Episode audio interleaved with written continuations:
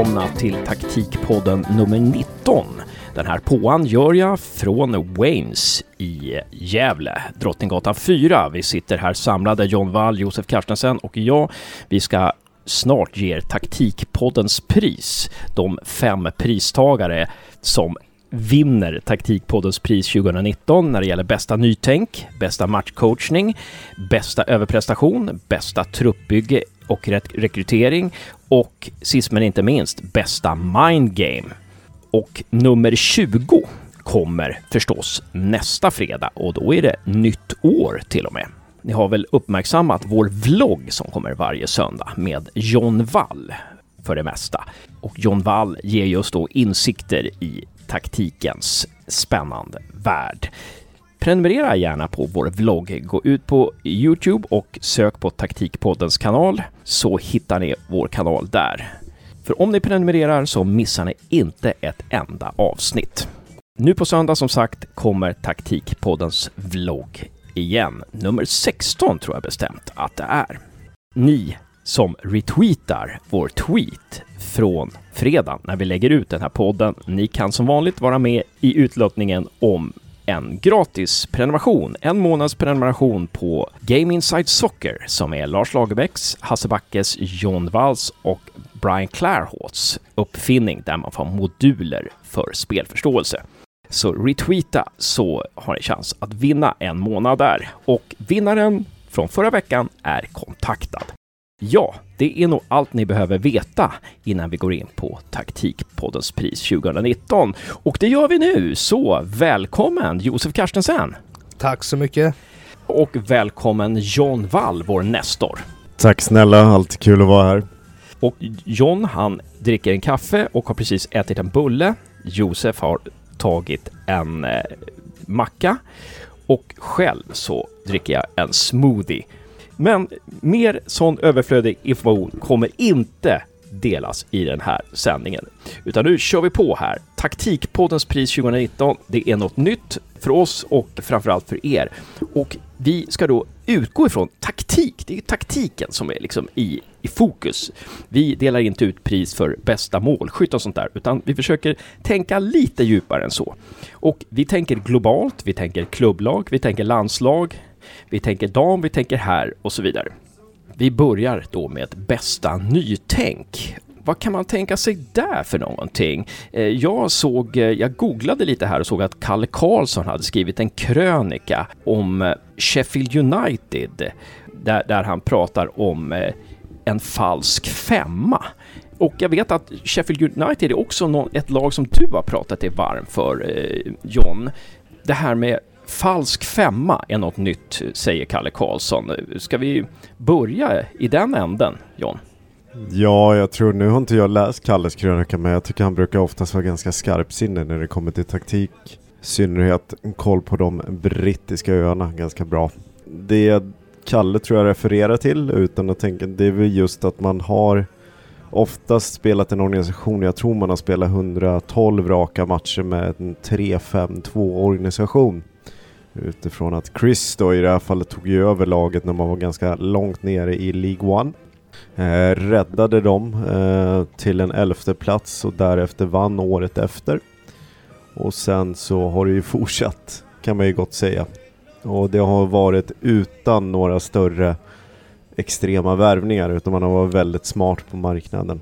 Men överlappande mittbackar är väl den främsta anledningen. Och, att, eh, och då är det ju i synnerhet eh, den inre och den yttre korridoren som de överlappar i och kan hamna ovanför bollen. Vilket oftast inte är utan den här trebacken är ju oftast bakom bollen i 98% av alla tillfällen så att säga. Men det, det är intressant och eh, det görs i tycker jag är en ganska fin symbios av alla handlingar ute på plan. Det märks att det har varit en kontinuitet både på tränarsidan och spelarsidan egentligen. Om man kan säga överlappande mittbackar då, det, det, då kan man säga det att det är, det är de här två mittbackarna som hamnar liksom utanför, bredvid den centrala mittbacken om man säger så. Mm. De mittbackarna kan ibland då växla position med wingbacksen och hamna ganska offensivt. Är det så man tänker? Ja, men jag tror även att de kan hamna ovanför om bollen spelas upp till någonstans centralt mittfält. Och sen är det ju en form av rotation eller platsbyte som sker. Men att man vågar komma bakifrån i löp egentligen. Och det, det passar ju ganska bra också när det kommer till, eh, om vi tänker än närmare mål, att det kommer med löpningar från spelare som inte är precis i linje med motståndarens försvarslinje. De är inte lika lätta att värja sig mot och bli liksom upptäckta. Alltså således tredjemannalöp. Just det. Så att det är en liten variant. Ja, det är ungefär som en falsk nia. Det blir svårt att eh, veta vad den här spelaren har för utgångsposition och därmed svårt att markera eller svårt att fånga upp då för försvarsspelarna helt enkelt. Definitivt och det alltid ska det finnas något form av element av överraskning så att där tycker man har gjort det bra och det sker inte utan att man får en bollförlust. Man är verkligen skickliga på det. Jag tänker, hur stoppar man eh, den här taktiken? Hur försvarar sig man mot taktiken? Det som värjer sig, det är väl egentligen, vill du ta bort orsaken till alltså bollen? Antingen tar du bort det eller så får du leva med effekten av det. Så det är frågan vad du helst vill ta stopp på det egentligen. Och där tror jag att det handlar mycket om att spelare som är lite längre från bollen tenderar till ibland att checka ut lite grann och gå offline. Och kan de vara involverade i en form av markering eller att de tar ett ansvar för spelare i någon form av zon, alltså de följer med, så kan det vara ett sätt att hantera effekten av det. Eh, det är väl oftast där det kommer till. Och sen är det ju så här att vill du, antingen vet du att motståndaren gör så, att det är på grund av din motståndaranalys, vilket förmodligen sker med största, största säkerhet på den nivån. Eller så är det just att du in-game alltså måste upptäcka det som spelare mer för att kunna hantera det. Eller som tränare då. Men det är ganska svårt att basunera ut ordrar på med minst 30 000 på läktaren så lever liksom. Mm. Tror du att, jag menar Sheffield, Sheffield, United har ju gått väldigt bra då, liksom, och gjort en väldigt snabb resa. Alltså jag tänker lite på Östersund under Graham Potter, så, som, alltså de hade ju också någon slags, säga, överraskningsmoment eh, då. De, de hade ju vissa saker i spelet som var liksom överraskande och som gjorde att motståndarna hade svårt att försvara sig mot det. Tror du att för att ett lag med begränsade resurser ska kunna överraska, kunna göra de här snabba kliven upp. Tror du att det är nödvändigt med sådana här taktiska nymodigheter då? Jag tror det är, du måste göra saker annorlunda för att kunna ha någon form av resa eller kunna slå punch above your weight som man säger på engelska, slå i underläge. Så det är antingen det att eh, uh, Sheffield lyckas behålla Chris Wilder. För det är också en fråga nu. Uh, och det är där också man märker hur svag också uh, tränarmarknaden är och klubbar tenderar att reflektera. Precis som att kanske, nu ska inte jag gå Sam Allardyce väg, att man... Jag skulle precis Man pratar om att han ska heta Sam Allardinho, då hade han varit tränare för Manchester United istället. Um, men det är också att man har en dålig koll på tränare rent generellt som presterar över sina resurser och nu vinner ju då Chris, eller de går upp som tvåa då från Championship eh, efter Norwich. Men jag tycker att man är nästan, nästan till riktigt svag på det. Mm. Chris borde ha funnits med på flera andra klubbar. Sen är det ju också tillfällen att någon tränare försvinner och så vidare. Men alla börjar vara ganska snabba med att kunna gå till den man vill ha direkt efter man har avslutat den föregående om man säger så. Ja. I Sverige där så borde man ju, där borde ju elitklubbarna leta då kanske division 1 för där finns det ju många tränare som gör underverk med väldigt begränsade resurser. Nu är ju nu eh, är det ju litet aber där att många tränare i division 1 inte har Uefa Pro License och så vidare och så vidare. Men nu ska vi inte fördjupa oss i det, utan nu ska vi, ja, Josef? Jag tänkte bara bryta in och kolla, är det något, något lag som har gjort något liknande tidigare? med överlappande mittbackar? Ja, det är just, eh, jag tänker på Holstein Kiel med Anfang. Eh, han gjorde ju lite annorlunda med använda målvakten i en större omfattning. Eh, med att man skjuter upp mittbacken, till och med den centrala mittbacken, mer. För att skapa diamantformer och vara, som man skulle kunna säga, en högre risk i sin speluppbyggnad. Utan att prata överlappande, men allting handlar ju om egentligen hur du utnyttjar ytor, spacing. Det är mer fråga om det och att du vågar se det än att det ska ske på ett visst sätt som någonstans alla andra gör. Och det är intressant för då kommer du in på Mattias Anfang här som eh, Kiel och eh, som senare gick till Köln där. Mm. Är det någonting mer du vill säga? För du har ju varit inne på honom lite när vi satt och snackade här innan. Någon mer när det gäller nytänk från den mannen? Nej men det är just att man har även hade en hel del löp från mittfältet i olika former för att komma åt inträden bakom motståndarens backlinje. Man gjorde det extremt mycket. Ehm, så att en större innovation på den här scenen. Och det som är intressant, Holstein Kiel är ju en liten klubb i sammanhanget, Zweite Bundesliga. Men det är oftast där man ska titta. Ehm, precis som man kan prata om Eibar och hur deras pressorientering har funkat för dem med en extremt liten budget och varit väldigt selektiv med de spelare man har skaffat. Mm. Ja, spännande. Och sen så kommer vi också in på, när vi satt och pratade innan så hade du en till tränare som du ville nämna. eh, En österrikiska, i österrikiska ligan. Oliver Glasner, Las Klintz har ju faktiskt varit på Euroleague-nivå eh, med den klubben. Och det är väl med, han har ju faktiskt en bakgrund i Red Bull-organisationen. Men det har varit 3-4-3 med ganska mycket att angränsa till en överprestation också va. Så att 3-4-3 är ju inte liksom ett ovanligt spelsystem idag. Utan man har ju, många har återvänt bakåt i tiden för att hämta inspiration. Och eh, där har han ju faktiskt gjort det extremt bra. Men lite mer centrerade främre trean. Det är inte klassiska vingar om man säger så på ytterforwards. Som var lite mer centrerade. Okej. Ja. Jag tänkte lite så här också på det, det ni sa innan, det här med att man skulle kolla i läge i, i sämre klubbar, eventuellt lägre ligor som har begränsade resurser överpresterar. Vad det specifikt man ska, eller kanske inte vad det specifikt man ska kolla på, men vad det för tränardrag, taktiska drag man letar efter för att kunna se att den här tränaren har någonting nytt på gång och inte bara spela poänggivande. Nej, jäkligt relevant fråga men om vi... Det är lätt att vi blir fångade av vår tid. Om, jag tror den episka influensen av Barcelona på dagens tränare och de som är i en relativt ung ålder har ju bidragit till massa positiva saker egentligen. Det får man aldrig underskatta och jag tycker även att Guardiola var innovativ då precis som han var, har varit innovativ, fortsatt vara innovativ i Man City och Bayern också för den delen. Vi pratar om till exempel de indragna ytterbackarna exempelvis. Som Kyle Walker numera huserar ganska mycket med. Men det är ju en fråga mer om spacing. Men jag tycker om du utgår från ett antal så här norm, normgivande lag så Barcelona är definitivt ett av dem. Och sen så kan du ta i den andra ringhörnan kanske du har Red Bull. Nu pratar jag vare sig om det är Salzburg eller Leipzig.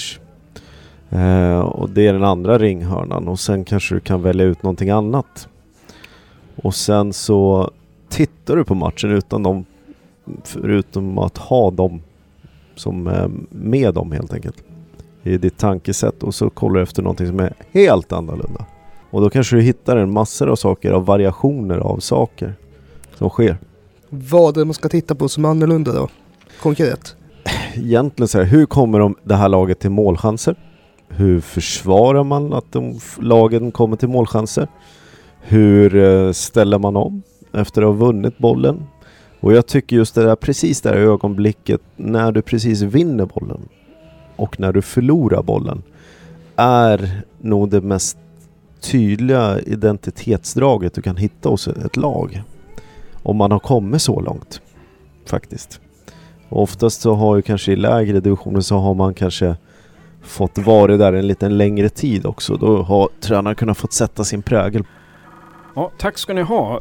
Vi går över till bästa matchcoachning då och då tänkte jag komma in med lite grejer först. Får vi se vad ni säger om det. Vi behöver inte fördjupa oss allt för mycket i mina tänk här. Men jag, jag tänker lite så här, det är ju förståeligt att Daniel, alltså många säger, pratar om så att Ove Rössler, att han får gå från MFF nu, det beror på att han har inte släppt fram unga spelare och han har en gammaldags ledarstil och så vidare. Det tror ju inte jag, utan jag tror ju att det främsta skälet är att man spelar för dålig offensiv fotboll. Ska man ta sig vidare i Europa då måste man spela en annan offensiv fotboll. Eh, där, där, kan man ju komma in på hur Malmö skapar målchanser. Men, jag tänker på bästa matchcoachning. Det man måste ge Ove Rössler, det skulle vara intressant att se vad ni ser om det här, men det man måste se, ge Ove Rössler tycker jag, det är att hans försvarsspel, att han åker ut i Europa liksom och stänger ner. Han, han åker, åker till parken och stänger ner Köpenhamns anfallsspel. Han, han, de åker ner till Lugano liksom bara och Lugano skapar inte en jäkla målchans. Det är väldigt ovanligt att man ser svenska lag åka ut i Europa liksom och bara beröva motståndarna alla anfallsvapen liksom. Så det, det tycker jag ändå man får ge Ove Rössler. Jag vet inte vad du säger om den analysen, John? Nej men det tror jag vittnar en hel del om Oves eh, styrka som tränare bland annat. Eh, och maxa ut materialet. Utan det här är ju en väldigt stor mer klubbfråga. Mer. Jag tycker inte Ove Rössler ska någonstans eh, berövas på sin prestation med MFF överhuvudtaget egentligen. Utan jag tycker han har gjort ett väldigt, väldigt bra jobb. Eh, utan det blir ju återigen en fråga om tycke och smak och vad klubben anser att de behöver göra i stort. Det blir ju makro mot mikro egentligen. Makro blir ju klubbens vision, intention och vad de ser sig de kommande åren att göra. Och MFF vill ju konstant växa. Det har man ju tydligt visat men Ove var rätt och det är dumt att labla eller liksom eh, kategorisera tränare men Ove är, tycker jag, liksom eh, utan någon negativ klang, kommer säkert uppfattas som det, att han är en väldigt bra brandkårstränare.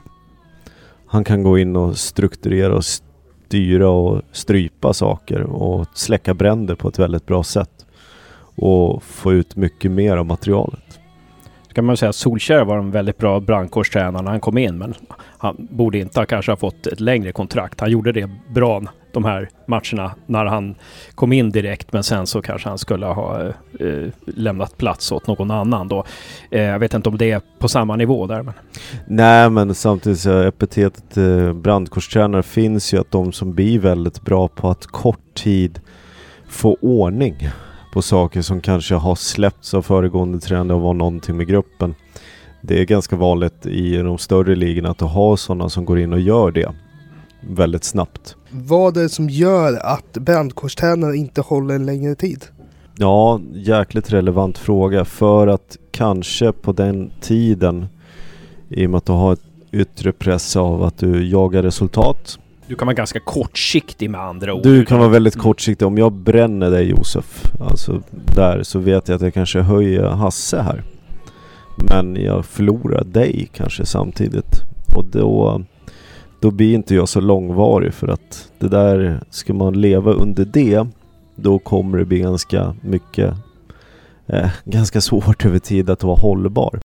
Inte för att jag har den vetskapen om hur Rössler har bedrivit sitt eh, ledarskap eller tränarskap mot spelarna i Malmö. Det vet inte jag och jag kan inte säga någonting i det där fallet. Ja men jättebra. Eh, det var mitt eh, instick där till bästa matchcoachning. John, du hade två Champions League-matcher som du ville lyfta fram här. Ja, framförallt så vill jag väl ta fram, det är svårt att särskilja liksom, är det in-game där man gör extrema skillnader, man kanske har tur, men jag tycker Liverpools vändning i rond 2 mot Barcelona, alltså Champions League-semin där, när det blir 4-0. Och sett sett den matchen, så föregående match så skulle ju Liverpool haft ett bättre resultat. Men det finns ju någon som heter Messi också, när det är motståndarlaget. Men den vändningen tror jag är, kan nog alla hålla med om, är en ganska stark kandidat åtminstone. Jag skulle säga att det är matchcoachning och det som leder till det. Vad är det, vad är det Klopp gör där som, som får att vända liksom? Jag tror det är just att, att kunna vända ett nederlag som var ganska ett hårt slag. 3-0 går ens att vända. Sen vet ju inte jag exakt vad som sker men allting som byggs upp och det som och så försöker man ju få det till att ja, det var han. Nej, men det var ju gruppen också. Eh, och laget och Mental Giants har väl han refererat till många gånger men det är många inslag i den matchen som är rätt intressanta. Josef nämnde bland annat hörnvarianten där. Men att spelare kan vara så uppmärksamma under det trycket och se möjligheter. Det måste ju prata om ett form av mindset då också. Att det finns en avslappnad attityd där, eh, en kreativitet trots det yttre trycket. Liksom. Och en vakenhet. Eh, allt kan ju vara möjligheter egentligen. Och i Trent Alexander-Arnolds fall så blir det hand på, går, men vänta nu. Nu kom den här skolgårdsspelaren fram och säger det där är en möjlighet, att spela in bollen dit. Tack ska du ha. Då går vi över till bästa överprestation. Och vi har varit inne på Sheffield United tidigare. Någonting att lägga till om Sheffield? Ganska intressant organisation. Jag tror det är en person själv som både rekryterar, styr och en anekdot är att han pratar inte med agenter den här belgaren. Han kör allt via mail. Eh, jag tror det är bara för att kunna hinna med den enorma grejen men han, han ansvarar för både scouting och rekryteringen själv. Vilket är rätt intressant. Eh, en, en bok från hans sida eller ett studiebesök till honom vore ju eh, välinvesterat eh, för svenska lag. Minst sagt, om hur man kan maxa dygnets alla timmar. Ja, fantastiskt. Eh, sen var du inne lite på Atla Atalanta också. Ja, det tycker jag. Eh, nu är ju frågan är, är det klubben? Klubben har ju alltid varit känd för en eh, enormt bra ungdomsorganisation eh, eh, eller akademi och producerat spelare alltid. Eh, men jag tycker Gasperini och klubben verkar hitta en match made in heaven. där man får spelare som kanske inte har varit önskvärda i andra klubbar, får dem att prestera så tillvida att man har gått vidare i Champions League nu. Och man tog en Champions League-plats till att börja med. Eh, och eh, gör det på ett väldigt bra sätt. Nu torskar man de första tre om jag inte minns fel. Det är första laget som går vidare tror jag på många år med negativ målskillnad. Ja. Och det är ju tack vare de tre första hade man Man City i sin grupp också så det säger ju sitt va. Så att, eh, nej, verkligen starkt. Um, och sen smart rekrytering, man har ändå rå man har råd att låna ut Dejan Kulusevski ändå va. Och uh, har en spelare som man kan sälja dyrt och kunna påverka truppen på ett bra sätt. Samtidigt som man håller på att bygga om sin arena och spelar alltså Champions League hemma på San Siro. Vilket säger att det är rätt intressanta saker på gång. Verkligen. Man ligger femma i ligan nu efter halva serien. Uh, ungefär, uh, ja snart halva. Uh, och så man har ju hängt på den här Champions League-platsen i, i, år igen då. Det, det, får man säga är starkt. Ja, tack ska ni ha. Då var vi inne på bästa överprestation där. Då går vi över på nästa kategori, den fjärde av fem bästa truppbygge och rekrytering. Där hade jag en tanke, alltså jag, jag tänkte på superettan herrar i Sverige i år så när man tittar på trupperna så, så tänker man att ja, det är nog Öster och Halmstad som, eh, som vinner den där serien liksom, eller som går upp i allsvenskan. Och eh, där är ju Varberg ett, eh, verkligen en, en, eh, eh, en en gör överpresterar. Det är ju en överprestation. Jag, jag roade mig med här för några dagar sedan att titta på, inför det här vårt möte, att titta på Varbergs trupp. De, alltså, de har ju inga spelare, i, de har väl någon med allsvenska meriter från IFK Göteborg och sådär, men de har inte, inte, många, inte många allsvenska matcher. Men de har väldigt bra åldersstruktur i det där laget. Eh, det, det, liksom, det finns inte många 19-20-åringar. Det finns inte många, det finns någon 30-åring kanske, men sen, de flesta är liksom 25-26 och har ungefär samma bakgrund. Det känns ungefär som att, ja, vi har, vi har rekryterat ett gäng spelare som är ungefär på samma befinner sig på samma ställe i resan på, i sin fotbollskarriär på något vis. Kan det vara någonting? Eh, jag bryter in där innan John får köra sin utläggning. Men min känsla med Varberg var ju att de fick ju behålla sina bästa spelare inför den här säsongen. Eh, spelare som eh, Sleimani och eh, Nahom som var väldigt bra, tyckte jag i alla fall, när vi kollade match, när vi mötte Gävle främst eh, året innan. Det var inga, inga, inga lag som ens märkte att de fanns. Och eh, när man ändå får behålla hela laget, alla i samma åldersstruktur, då är det nog lättare att, ja, att ta nästa kliv.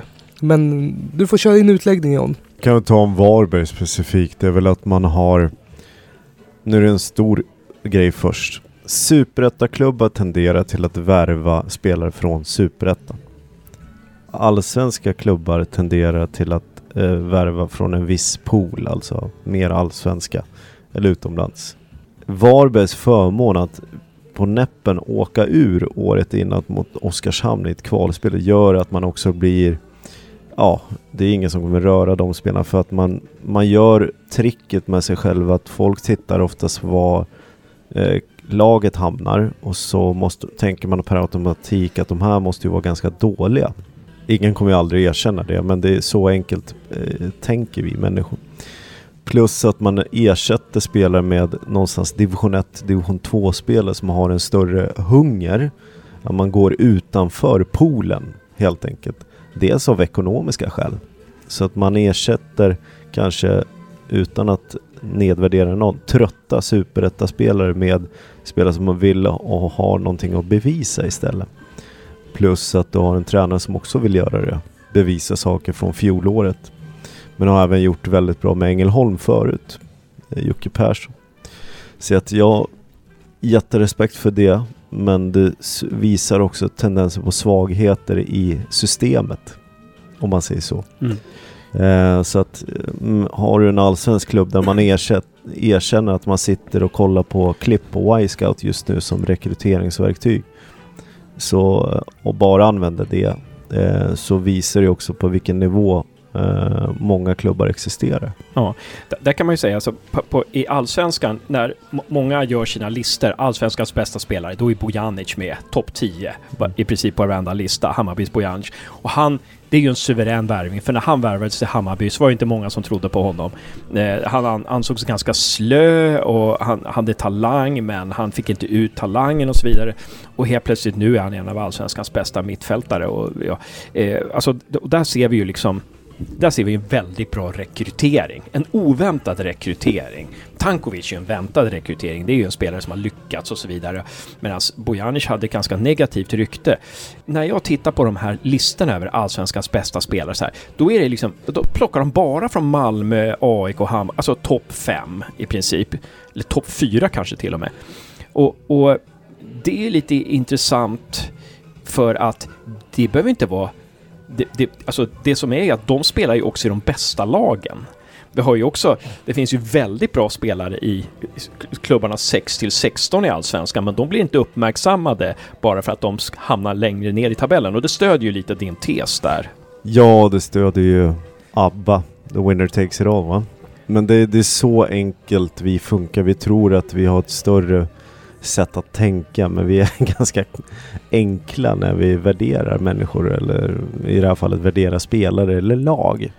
Jag tycker fortfarande att det kanske en större överprestation kanske är att få en viss allsvensk klubb att hänga kvar, Falkenberg, än någonting annat. Och kanske är det också andra klubbar som förtjänar saker sett i sina resurser. Så att det är helt rätt tänkande där men eh, tänk om, tänk rätt säger jag istället. Eh, jättespännande. Vi går över... Ska vi ta en internationell klubb? Nu att, tar vi en internationell Det är lätt att vi hamnar i Precis. Varberg-träsket där, även om det ska premieras på alla Det, sätt. var, det, det är jag som var skyldig till det. Det- Ja. Det var min ingång så att säga. Nu går vi i, över lite till eh, det internationella eh, fönstret då. Eh, vi går ut i världen. Eh, John? Ja, jag tycker ändå, även om det är någonstans en stor klubb eller en stor klubb, om än att eh, glorian har varit på sned, men det tenderar ju ofta att vara så med International eller Inter. Men på den korta tid som jag tycker tillsammans med Conte och Marotta, som då är ordförande, har man kunnat styrt upp den där förbannade klubben till att få spelare som matchar direkt till det Conte vill. Och det tyder ju på den relationen de två emellan. Att den eh, är bra. Så att jag tycker att eh, sett det de har gjort på en sommar och det de har sökt så har man varit väldigt specifik. Alltid en fördel när en tränare har varit sysslolös eller arbetslös ett år. Man har, han har nog kunnat byggt in det han har velat ganska snabbt och varit hänsynslös i det. Just det.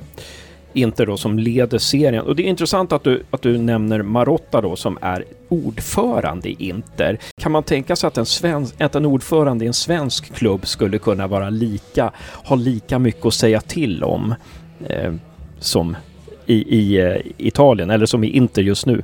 Eller är det vanligt ens i Italien att en ordförande är så pass, eh, har så pass mycket makt? Ja, fördelen med Marotta är väl just att han kommer från Juve. Han är en van vinnare. Eh, men att han eh, har en vetskap om både business-sidan och den sportsliga sidan.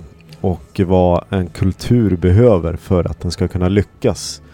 Eh, jag har absolut inga problem med klubbar blir så att det finns någon. För tendensen är ju ofta så här att, eh, och det får ni ju säga om jag har fel, de som oftast kan minst, och då pratar jag om svensk fotboll, är de som bestämmer. Med andra ord så kommer alltid vet du, eh, svensk fotboll hamna efter. För att den blir alltid eh, intellektuellt dränerad rätt ofta. Eh, för att det blir massa tomtar som tar massa beslut utifrån vilka som ska vara tränare, alltså en beställarkompetens, vad är det vi behöver? Eh, och därför fallerar man rätt ofta också. Både filosofiskt, både sportsligt och liksom i verksamheten. Mm. Och det är därför ofta klubbar börjar blöda eh, efter ett tag. Och sen så kanske fördelen är som det är i Inter nu att alltså, för att en klubb ska lyckas så krävs det att alla kan inte vara drivande, utan det krävs att det är några som är lite mer drivande och som synkar ganska bra. Som en ordförande, en klubbdirektör, en, en, en, en, en tränare och en ordförande och så vidare. Och så vidare. Och det är viktigt. Eh, och de får inte vara för många heller. Eh, det är jäkligt viktigt att komma ihåg.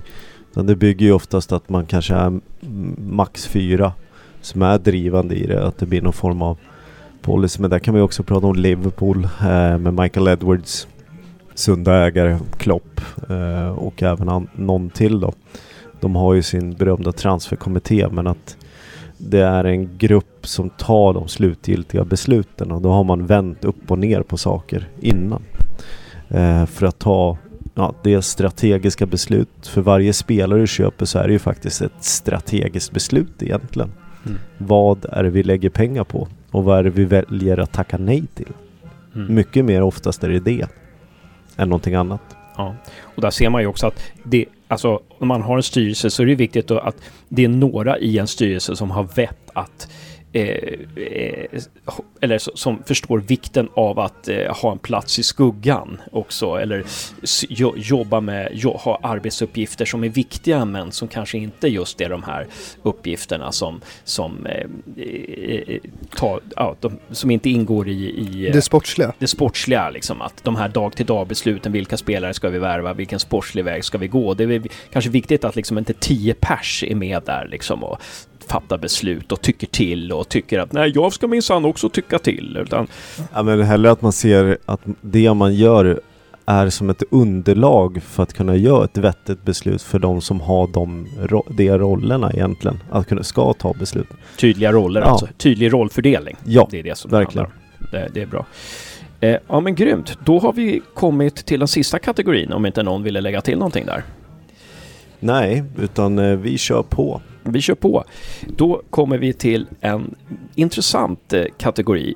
Bästa mind game. Här, om jag ska göra en ingång här, så jag, jag tänker ju eh, ofta på det här när Poja först, gjorde första året i IFK Göteborg, det var väl förra året, 2018, när han med en ganska eh, ja, så här, medioker trupp jämfört med, med Malmö FF. Då åkte till Malmö och vann på våren mot Malmö FF efter att ha sagt eh, ett ganska uppmärksammat uttalande. Han sa att eh, Malmö har en halv miljard på banken men de, spelar bara, de slår bara inlägg.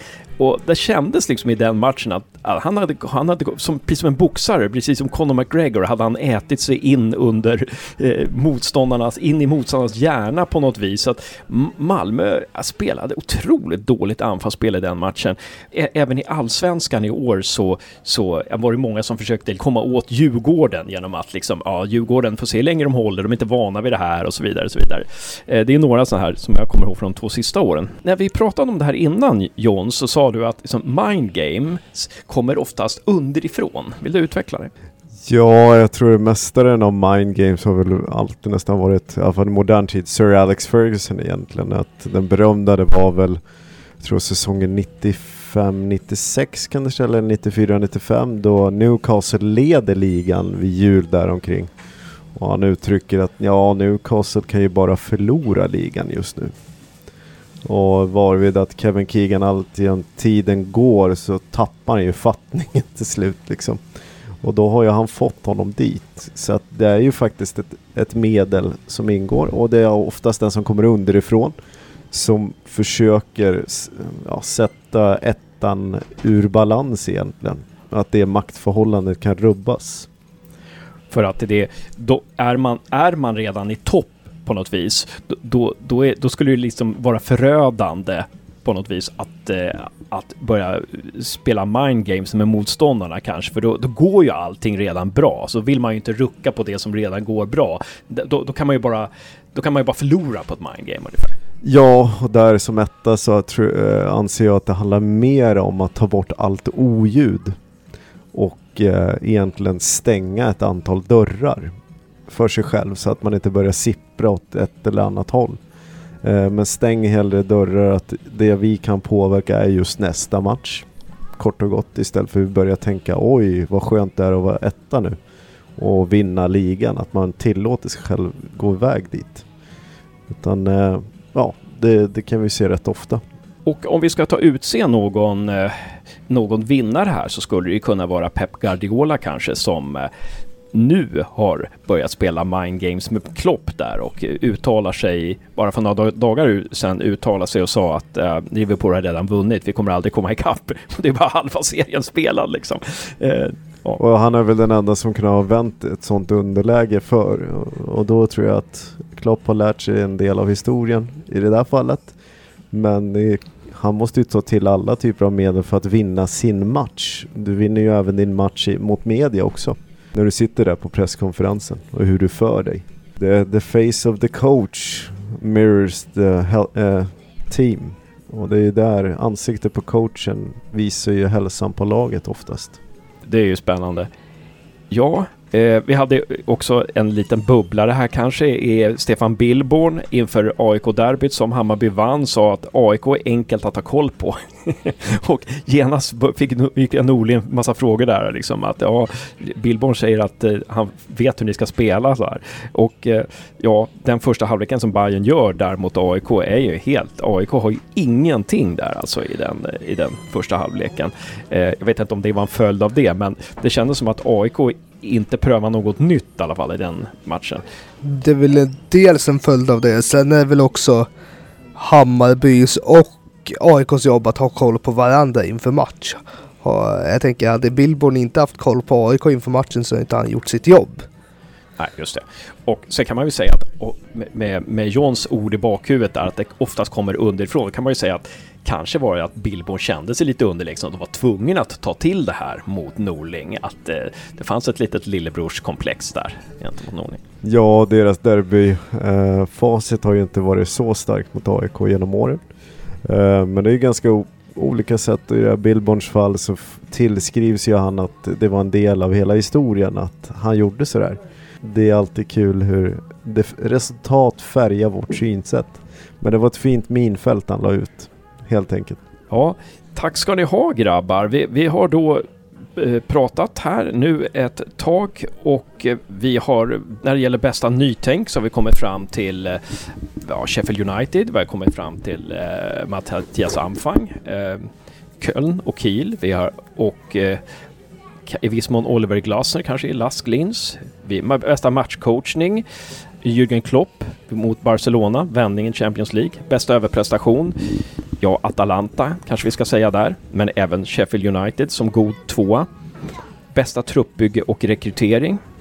Inter som eh, väl, väl vann där före Varberg. eh, säger jag med glimten i ögat. Och eh, bästa mime game, game kanske var Guardiolas mime game mot Jürgen Klopp. Tack så väldigt mycket. G grym insats här. Tack så mycket John. Vi tittarna, eh, lyssnarna får titta på det på söndag. Bra insats, eh, intressanta tankar. Tack snälla, alltid kul att bidra. Tack så mycket Josef, bra jobbat. Tack själv Hasse, bra roddat. Och tack ska ni ha lyssnare för att ha lyssnat. Vi hörs igen nästa vecka med en ny podd och som sagt, om ni inte har hört det förut, vår vlogg eller vlogg nu på söndag med John Wall. God fortsättning och gott slut!